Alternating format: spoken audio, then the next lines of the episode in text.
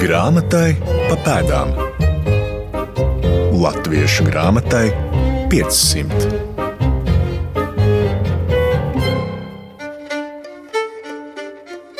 Esiet sveicināti! Ar jums kopā Māra Rozenberga, un šonadēļ iesāksim stāstu par vienu no ietekmīgākajām apgaismības laikmeta personībām latviešu kultūrā - Gotthardu Friedrichu Stenderu. To pašu veco stenderu, kurš uz savas kapa plāksnes lika iegravēt parakstu Latvijas.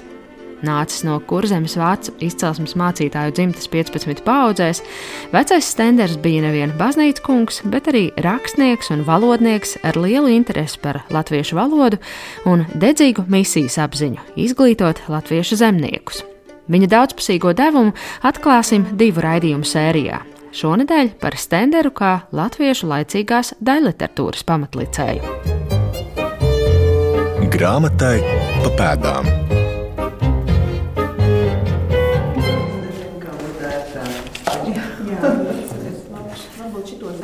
Esam Latvijas Nacionālās Bibliotēkas reto grāmatu un rokrakstu nodaļā, kur notiks mūsu saruna ar trim erudītiem pētniekiem literatūras zinātniekiem Māru Gruduli un Paulu Dāju un folkloras pētnieku Gunti Pakalnu. Stendera grāmatas mūsu priekšā tiek izpakotas katra no savas baltas kartona kastītes. Tieši tā, lai labāk saglabātos, lai neciestu no putekļiem. Redz, cik interesanti tas tā augstas gudrības grāmata. Es kāpēc biju iztēlojusies kā tādu lielu A3 formātu enciklopēdiju, ko tā var vaļā un skatās pa visu galdu. Izrādās tāda, tāda maza grāmatiņa, tāda 15 x 5 centimetri. Kāpēc, ka tas nosaukums ir tik ambiciozs, ka liekas arī, ka grāmatai tādai jābūt. Apsēžamies pie galda starp stendera darbiem, un es vispirms dodu vārdu Latvijas Universitātes profesorai Mārai Grudulai, kura daudz pētījusi latviešu senāko laiku literatūru un pēc stendera 300 gadas 2014. gadā sastādījusi kolektīvo monogrāfiju Gotthards Friedrichs Stenders un apgaismība Baltijā Eiropas kontekstā. Un es domāju, ka tā monogrāfija arī ir zināma atbilde, kāpēc ir vajadzīgi divi raidījumi, jo Stenders ir ļoti daudzpusīgs. Es domāju, ka būtu Gana tēma arī vēl trešajam raidījumam. Viņš jau ir rakstījis ne tikai latviešu valodā, bet arī citās valodās. Arī viņa vācu valodā rakstītais ir nemazāk interesants un dažā ziņā arī novators tā laika. Eiropas tehniskās apgaismības kontekstā, piemēram, mēs runājam par viņa aprakstu par veļas mašīnu. Bet uh, latviešu literatūrā viņam ir īpaša loma, jo viņu uzskata par uh, laicīgās, jeb sekulārās uh, literatūras aizsācēju. Viņš ir faktiski pirmais, kas ir devis uh, latviešiem pasakas un stāstus, jeb precīzāk tās ir fabulas, dzējā un prozā pirmo populāru zinātnisko grāmatu, ko mēdz dēvēt arī par zemnieku encyklopēdiju, kas ir augsts gudrības grāmata, ilustrēta ābeci, protams, arī virkni ar ziņģēm, laicīgās dziesmas, papildinot latviešu zemnieku dziedāšanas repertuāru, var teikt. Un citus darbus ir ļoti daudz jauns un interesants aicina baudīt grāmatu ne tikai kā kristīgās pasaules daļu un baznīcas, varbūt reliģiskās sfēras daļu, bet uh, grāmata arī kā informācijas avots, gribētu atzīmēt arī kā izklaides.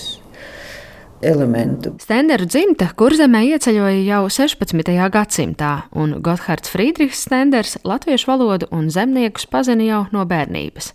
Kā vairums Baltijas vācu jaunekļu, viņš vēlāk devās studēt uz Vāciju, pēc tam jau kā 40 gadnieks piecus gadus dzīvoja Vācijā, Dānijā un Krievijā. Iespējams, tieši šo gadu pieredze vēlāk rosināja Stenderu paplašināt savu apgaismības misiju arī caur literatūru. Sarunājamies ar literatūras zinātniekiem Paulu Dāju un Māru Gruduli. Es gribu teikt, ka mans Stenders vispirms ir tieši eksperimentētājs un jaunu ceļu gājējs. Viņš jau tādā mūža vidusposmā pievērsās latviešu literatūrai, bet pirms tam viņš um, nodarbojās ar dabas zinātnēm, kā jau Māra pieminēja, ar tehnisko apgaismību, un viņam bija mm, zinātnieku ambīcijas. Viņam piemita ļoti eksakts prāts, kā jau mēs to redzam no augstas gudrības grāmatas, kas ir veltīta dabas zinātnēm. Jā, viņš eh, ļoti labprāt eh, eksperimentēja un gāja tajos virzienos, kur citi pirms tam nebija gājuši. Kā viņš pievērsās latviešu laicīgajai literatūrai, no kurienes viņam radās šī doma. Iespējams, ka tas ir saistīts ar viņa uzturēšanos Vācijā un tā dēvētās tautas, jeb zemnieku apgaismības idejām, kas Vācijā bija aktuālas šajā laikā. Un kuras viņš nolēma jau varbūt pats savos veidos, sevis transformētos veidos, pārnest arī uz kurzemi. Atklājam tekstus! Man ļoti, ļoti patīk, ko Pauls teica par eksperimentēšanu. Es domāju, ka šādā veidā varbūt mēs varam uztvert Stenderu pirmo laicīgo darbu, rāmas laiks pēc pērkona briesmas. Tas arī ir mūsu acu priekšā 1753. gads latviešu valodā. Var redzēt arī to barokālo titulu lapu, kur ja mēs tā uzmestu aci, mēs uzreiz neteiktu, ka tā ir klasisks apgaismības darbs vai ne, bet eh, tas eh, Stendera jaukais pienesums ir tas eksperiments ar valodu, ko visu var panākt, atveidojot brokese odu latviešu valodā, un viņš tur pat pierakst, kam ir lasītājiem jāpievērš uzmanība, ka tur, kur ir tas eh, laiks pirms negaisa, tur laikam nav ērburta. Tā bija. Mm -hmm. Jā, tur nav ērburta, un tur, kur nāk negaiss, tur ir rīktīgi ērburti, lai jūt, ka viss brazd un brakšķi, kā viņš saka. Tā kā tas attiecas uz negaisu, kas ir reālās pasaules, kas ir dabas parādība, un tā ir veltīta vesela oda. Viņš ir izvēlējies faktiski tā laika vācu valodīgajā vidē populārākos dziniekus latviskošanai. Tā nav nekāda, varētu teikt, otrās šķiras literatūra zemniekiem, ka mēs varbūt tā domājam. Jo, lūk, arī Brokes, Brokes ir viens no pirmajiem vācu dzējā 18. gadsimta pirmajā pusē, kas no angļu dzējas pārņem tā saucamo dabas dzējas tradīciju. Viņš apdzied visu, ko viņš redz apkārtējā pasaulē, tauriņus un putnus, un, protams, arī dabas parādības. Un katram no, no tiem vēl tā atsevišķa dzējoļus un lūk, oda kas apcer negaisa, tātad ainu pirms negaisa dabā, ainu negaisa laikā un pēc negaisa. Un tur centrā faktiski ir pati daba. Tad latviešu literatūrā viņš startē sākumā kā atzējotājs. Jā, mhm. jā. Nu, arī ziņu lielākā daļa jau ir atzējojumi. No šīs odas jūs burtiski kādu vienu pantiņu varat nolasīt, lai mēs varam ilustrācijai pielikt klāt. Jā. Te, kur viņš arī pieraksta, un te mēs varam redzēt, ka faktiski tās odes eh, mērķa auditorija ir vācieši. Viņš grib vāciešu uzmanību pievērst latviešu valodas bagātīgajām iespējām, un šeit ir vācu valodā. Bis hier ist alles erfermīden. Šeit nav erburts praktiski lietots, un hier höret man er wieder auf visu ende. Te atkal mēs dzirdam erburtu, un te ir tā negaisa aina, kur ir vai nepielikts tās zvaigznītes klāt. No šām lielām vēja kaukšanām to cietu mūru stiprumi sagro, caur ko tas lauks no pelavām ar akmeņiem un grožiem apbērts kļuva. Mm, paskatīsimies tālāk. Tas rūts un ducina, jo stiprāki viss rīb un trīc no tā, kas gaisā krājas. Tas pērkons spēr un spērdams ilgi rūts ar zibiņiem un krustu lietu jaukdams. Viss debes plīst ar uguni un dūts un ziemēls starpā griež par lielu kaukdams. Viņam jābūt ne tikai dziniekam, tulkotājam, viņam ir arī jāmāk spēlēties ar to valodu, lai tos erburtus tur ieliktu pareizajās vietās. Cik interesanti. Jā, un viņš arī ir uztaustījis, cik latviešiem ir bagāti sinonīmi. Viens no brīnišķīgākajiem, un cits arī Brokesa latviskojumiem ir dzējols par lakstīgalu, kur ir jāatveido tur vācu oriģinālā Brokesa ir ielicis kā lakstīgalu dažni dažādi dzied, ļoti daudz sinonīmu viņas dziesmai. Un Stenders arī ir ieklausījies, es domāju, tautas dziesmu dziedāšanā un tajā, kā to apzīmē, jo mēs arī sakām, ka velk dziesmu brīžam. Un, nu, bez tā, protams, ka lakstīgā pogo tur ir ļoti daudz sinonīmu tieši dažāda veida dziedāšanai, kas mums ir pazīstams no tautsdziesmu dziedāšanas. Viņš to ieliek arī lakstīgals tās daudzveidības, prokisam vāciski un viņam latviski pogāt, svilpot, skandēt, klukstēt, dūdot, smilkstēt, smiet un čukstēt, līgot, glaudēt, saukt un viļāt, balsi locīt, vilkt un cilāt. Tās, tās lakstīgaliņas, saldi, jaukas dziesmiņas no sešām rindām, četras sastāv no sinonīmiem dziedāšanai. Viņš latviešu valodu ne tikai zinājis, bet arī ļoti mētiecīgi bagātinājis savas dzīves laikā. Jā, un izjutis. Svarīgā grāmatzīme. Par to, cik apbrīnojami Stenders izjutis latviešu valodu, savulaik intervijā Latvijas Rādio 3 klasika kolēģei Intai Pīrāgai jūsmoja arī diriģents un senās mūzikas pētnieks Māris Kupčs. Par godu Stendera 300 gadu jubilejai viņš ar kori un orķestri atskaņoja vācu baroka komponista Kārļa Henriha Grauna oratorijas Jēzus nāve fragmentus ar vecā Stendera atzējojumu latviešu valodā. Īstenībā man Māra Grudula iedeva ar to domu, ka pēc tam viņa teica, jā, bet labi, to Stendera latviešu tekstu, der to dīzu. Sakārtot ar muziku un atskaņot. Viņa man prasīja, vai es zinot tādu darbu, graunu. Es teicu, es zinu, gan, jo tas ir nu, būtībā 18. gadsimta Finzama kaitība, vētras un ziņu, faktiski modes darbs, kurš bija burtiski pāris gadu laikā apceļojis visu Eiropu un ārkārtīgi populārs un tad vēl glabājās mūzikas bibliotekā partitūra, pirmie spiedumi ar, ar cik var saprast, Georgi Mihāla Telemana pierakstiem, piezīmēm. Nu, Tāda, ka jūtams, ka viņš viņu diriģēs. Viņš, nu, tas skaidrs, ka viņš Rīgā skanēs. Un tad es sāku parindot to tekstu. Un es konstatēju, ka ārkārtīgi viegli liekas, ka viņš ir faktiski atdzīvojis perfekti pēc muzikas. Un tur ir tiešām tik labi uztaisīts. Un dziedot ir ērti, nu, tur viss ir kārtībā. Re, kur ir dziesma, melodija. Tīrīrīrīrī, ai tev jēzu acis grūde, kā tās ieraudzīja. Kāds sījans sevi grūde asins apgrēcībā. Stenders nav tikai aprobežojies ar to, ka viņš jā, ir iztūkojis tekstu, bet viņš ir arī devis norādes un paskaidrojums, kādā stilā kas ir dziedāts. Nu, tieši tāda, kur ir korāļa meldija, tā kā vajag, jā. Stāstīšana. Stāstīšana, nu, tas ir rečitīs. Ziņģa vīzē. Nu, Kādā manierē? Jā, jā, un tad ir ziņģe, jā, un tad ir dziesma. Nu, dziesma tas ir korāls, jo te ir meldiņš, es esmu tavs dievs mīļākais. Perfekcionists. Viņš ir gribējis, ka tieši tā to atskatās. Nu, bet, paskatoties šo te, tas ir konkrēti iztulkots teksts, tā kā ir tajā kantātē, un salikts nevis vienkārši, bet tiešām salikts tā kā pastajā muzikā. Un tā latviešu valoda, kas ir starp citu stenderam, viņi muļķīgi domā, ka viņi ir tāda nu, bērnu līmenī. Nē, viņi īstenībā ir ļoti kopta un viņi ir interesanti. Un es pat domāju, ka tas tomēr ir, ir arī kurzemes uh, ietekme, jā, jo gal galā sunāks tā ir kurzemes hercegas teritorija. Un viņi ir kopta tā valoda. Nu, piemēram, interesanti klausīties, ka viņš raksta, viņa dienas ir paīsinātas. Nevis saīsinātas, bet, paīsinātas, bet no, ļoti tuvu jau tas ir. Un kāpēc gan ne tā?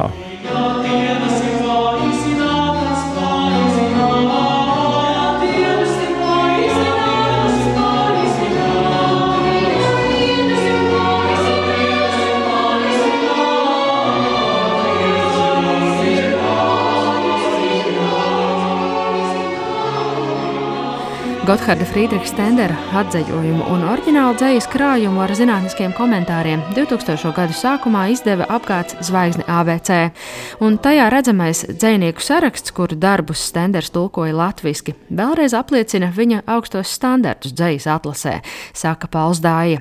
Un būtiski, ka Stendera darbs latviešu literatūrā guva lielu popularitāti jau viņa paša dzīves laikā. Otrajā pusē ir ļoti svarīgi apzināties, ka Stenders tiešām ir netulkoja kaut ko zemniekiem domātu, bet raudzījās uz to, ko mēs varētu saukt par vidusšķiras literatūru.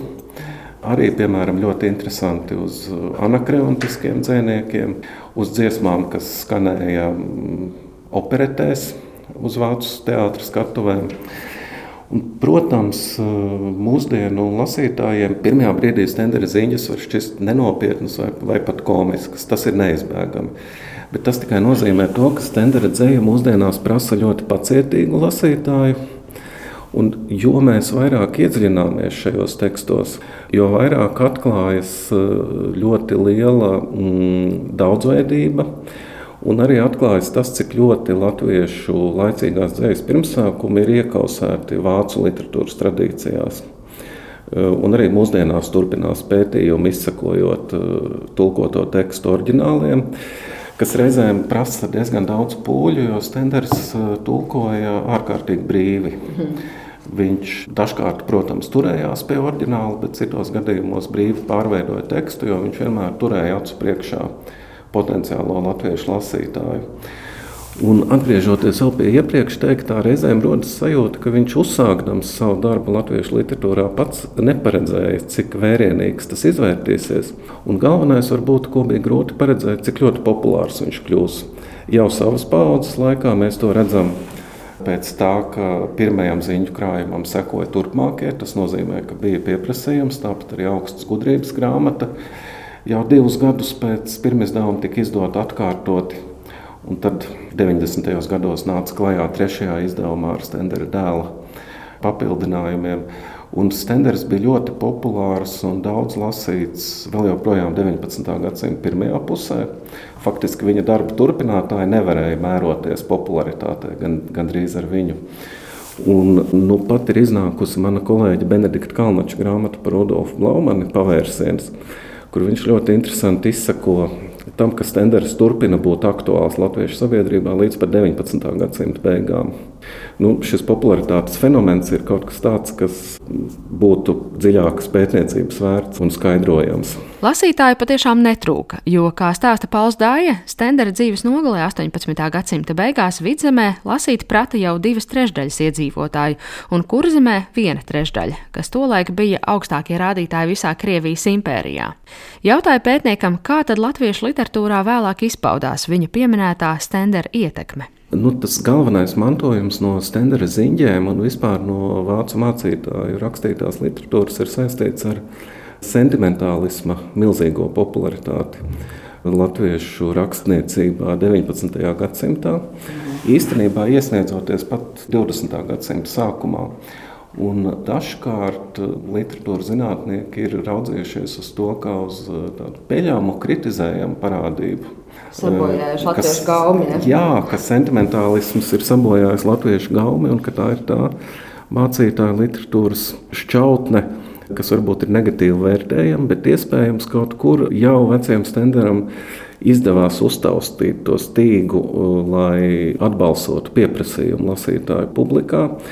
Un varam, protams, ieklausīties arī mm, Andreja Upīša teiktajā. Viņš šo sentimentālismu popularitāti skaidroja tieši ar mm, latviešu tautas raksturu īpašībām. Nu, tur katram pašam. Patīk, Paraudāt līdzi. Ka patīk paraudāt līdzi. Tur droši vien katram pašam no mums ir mm, jāapdomā, vai šī hipotēze atbilst patiesībai vai nē. Un varam padomāt arī, kā tas ir mūsdienās. Bet skaidrs, ka tas, kā Stenders to darīja, kļuva tik populāri, ka neizbēgami nācās arī sekotājiem ievērot šo stilu. Jā, un, protams, latviešu lasītāju publika atradās savā tapšanas stadijā, īpaši, ja mēs domājam par tādu laicīgo lasītāju publiku, par moderno lasītāju veidošanos. Un vienmēr kaut kādos noteiktos attīstības posmos, pēc sentimentālisma, arī pēc triviāliem literāriem motīviem ir ļoti liels pieprasījums. Un tad pamazām tas jau pārauga citās formās. Cik vispār uz to brīdi ir eh, daudz lasītāju latviešu vidū? Ir kaut kāds aplēses? Lasīt pretēju skaits ir salīdzinoši ļoti augsts. 18. Eh, gadsimta beigās vidzemē prata lasīt divas trešdaļas iedzīvotāju, un kurzemē viena trešdaļa. Un tie bija visaugstākie rādītāji Krievijas impērijā tajā laikā. Čuču bērniņu pupo, miegā māmiņu šūpo, manu mazo eņģēlīti, atstīņas iemīdzīni. Eja pulēja, eja pulēja, dažā māte skraida, ciemā puišus gaida bet pie tevis mātētus aizver atstīņas nuklus. Ea pulēja, ea pulēja, dažs tevs par negantu, krogā padzermantu, tukši pūstās bērniņi, bet tavs tavs pelnmaizīti Ea pulēja, ea pulēja. Šī grupas saucējas dziedātā šūpļa dziesma iespējams ir viena no šodien zināmākajām stendera ziņģēm. Vecajam stenderam mēdz pārmest augstprātību pret latviešu tautas dziesmām un centienus ieviest ziņģes kā labāku alternatīvu. Bet literatūras zinātniece Māra Grudula gan tam līdz galam nepiekrīt. Vispirms viņš raksta par tautsdziesmām eh, gramatikā, un tur viņš tautsdziesmas novērtē kā latviešu tautas tādas, kāda tā ir dzēju, dzējas sākotne, tā var teikt. Tā kā es noteikti iebilstu pret to, ka Stenders eh, būtu noliedzis tautsdziesmu dziedāšanu. Tas eh, kaut vai tas piemērs ar to lakstīgalu, ka viņš klausās ir viens labs piemērs. Bez tam arī gramatikā viņš ir pievērsis uzmanību tautsdziesmu formai un arī norāda, ka uzmanīgi izmantojot, gan viņa piemēra nav sevišķi veiksmīgi, var arī tautsdziesmu formu cejot paši, no formas viedokļa. Bet es domāju, ka tās segments, kas viņam nepatīk tautsdziesmās, tās ir rupjās tautsdziesmas. Un tur es varu piekrist, man šķiet, Jānim Kalniņam bija stāsts par Stenderu, kurš ir latviešu zemnieku kāzās, ka iespējams, un viņš nebija vienīgais, pieņem, ka arī Mancelim viņš arī sprediķos piemin, nepatika droši vien tas, ka viņi apdzied. Viens un droši vien, varbūt arī tas mazāk, bet viņam droši vien nepatika, ka tad, kad eh, jau viss kāzās iesiluši, sākas rupjo dziesmu dziedāšana. Un, ja mēs paskatāmies Stendera ziņģiem, tad viņš ir ievietojis savā ziņģu krājumā veselu nodaļu ar kāzu ziņģiem, tieši kāzu ziņģiem kur varbūt viņš rosina aizstāt. Un tur, protams, nav nekā rupja aizstāt to momentu, kad sākas tā apdziedāšanās vai, teiksim, rituālu jau iet un dziedāt ar viņa ieteiktajām dziesmām, lai nenobrauktu uz nerāt no dziesmu sliedēm. Bet, liekas, ka eh, jā, brīžam ir diezgan draisks. jā, ir, tur ir bučošanās, un tā Pauls noteikti varētu izstāstīt par eh, stendera iespējamiem nolūkiem, pievērst uzmanību mīlestībai un par to runāt. Caur ziņām? Jā. Jā, Stendera viens no ļoti svarīgiem mērķiem, kāpēc viņš rakstīja savas ziņas, un to viņš arī skaidro krājuma priekšvārdā, kas ir vācu valodā, tātad domāts vācu lasītājiem viņš drusku taisnojas, kāpēc viņš jau mm, sirmā vecumā sācis rakstīt dziesmas par mīlestību. Un skaidro, ka viens no iemesliem ir veicināt eh, smalkāku izjūtu, izkopšanu latviešu lasītājos, eh, latviešu zemniekos, ko viņš saskatīja kā savu auditoriju. Viņš runā par smalkākām izjūtām. Mēs droši vien varam šeit runāt par mēģinājumu civilizēt savstarpējās attiecības Eh, varbūt ienest eh, kādas vidusšķiras vērtības zemnieku sabiedrībā. Tātad viņš pats uzskatīja, ka viņa ziņām ir konkrēts nolūks caur izklaidi, caur prieku, vienlaikus arī pārveidot savus lasītājus. Grāmatai pa pēdām.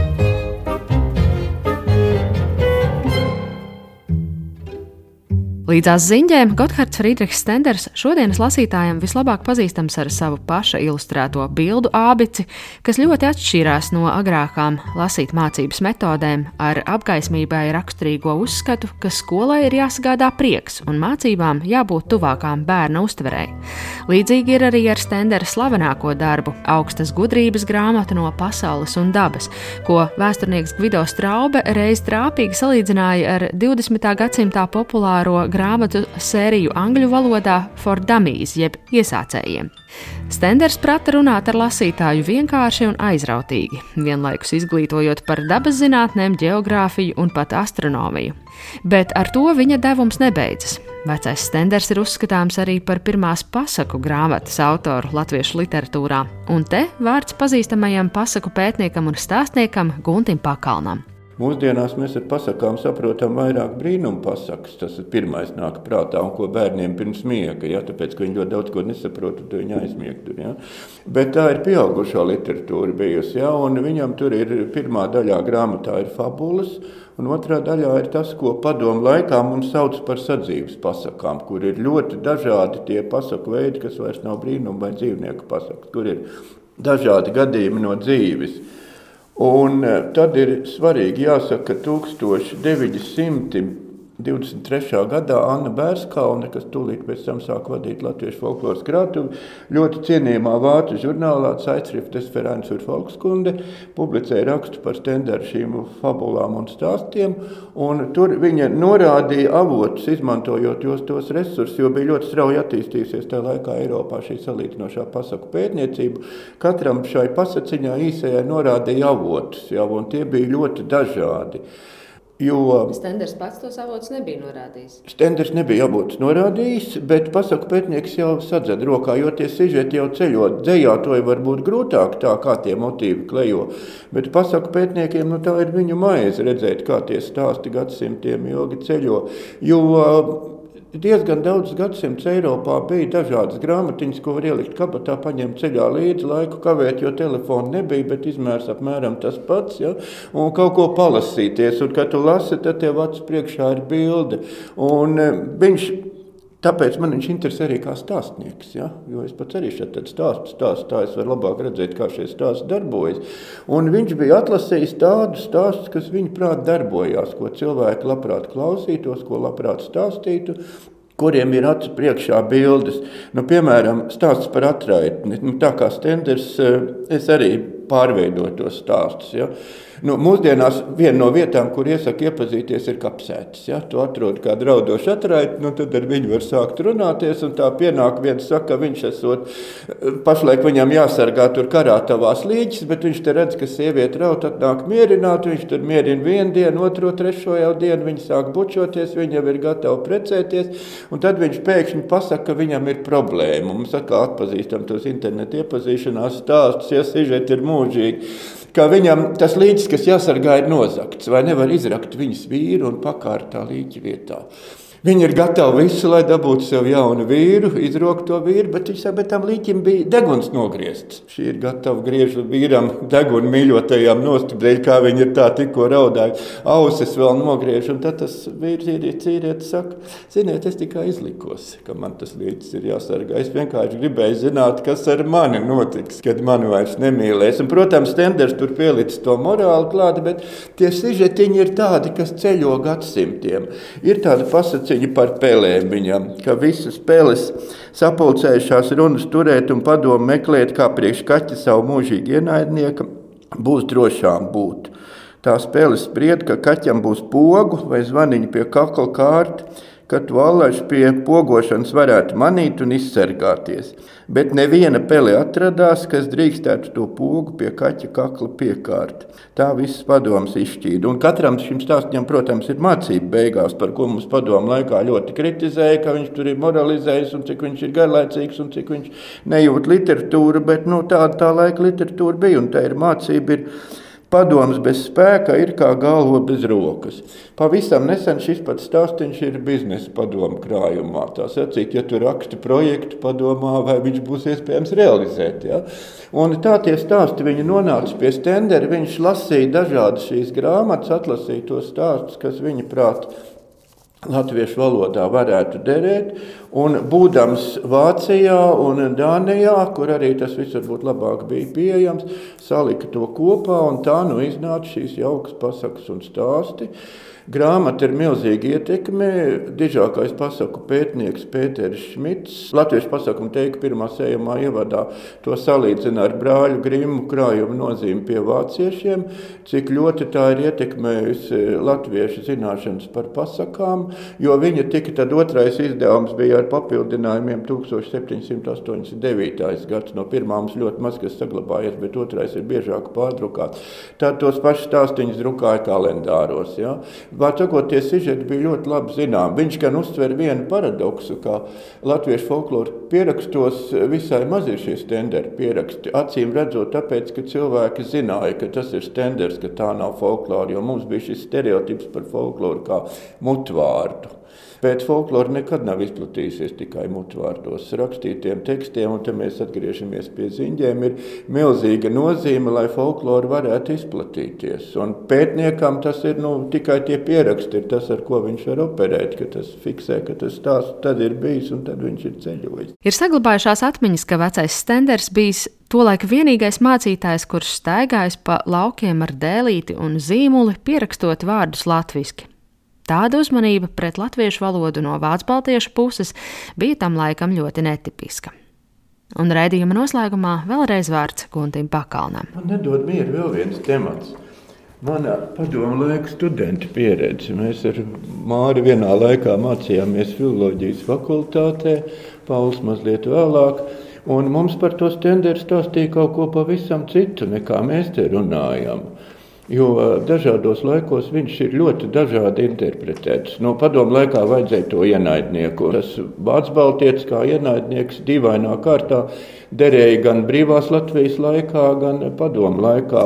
Tad tika izceltas visas šīs tendera mantojuma nu, kritizējamās puses, kas stāstiem ir morāli, kas tur stāstiem galīgi nepiedarās, ka tur ir šī vilkšana uz reliģiju. Ja? Neuzsverot tik daudz, ka viņš cīnījās arī ar māņticību, ja vienkārši tagad tā robeža pārbīdās, kas ir reliģija, kas ir māņticība. Ja?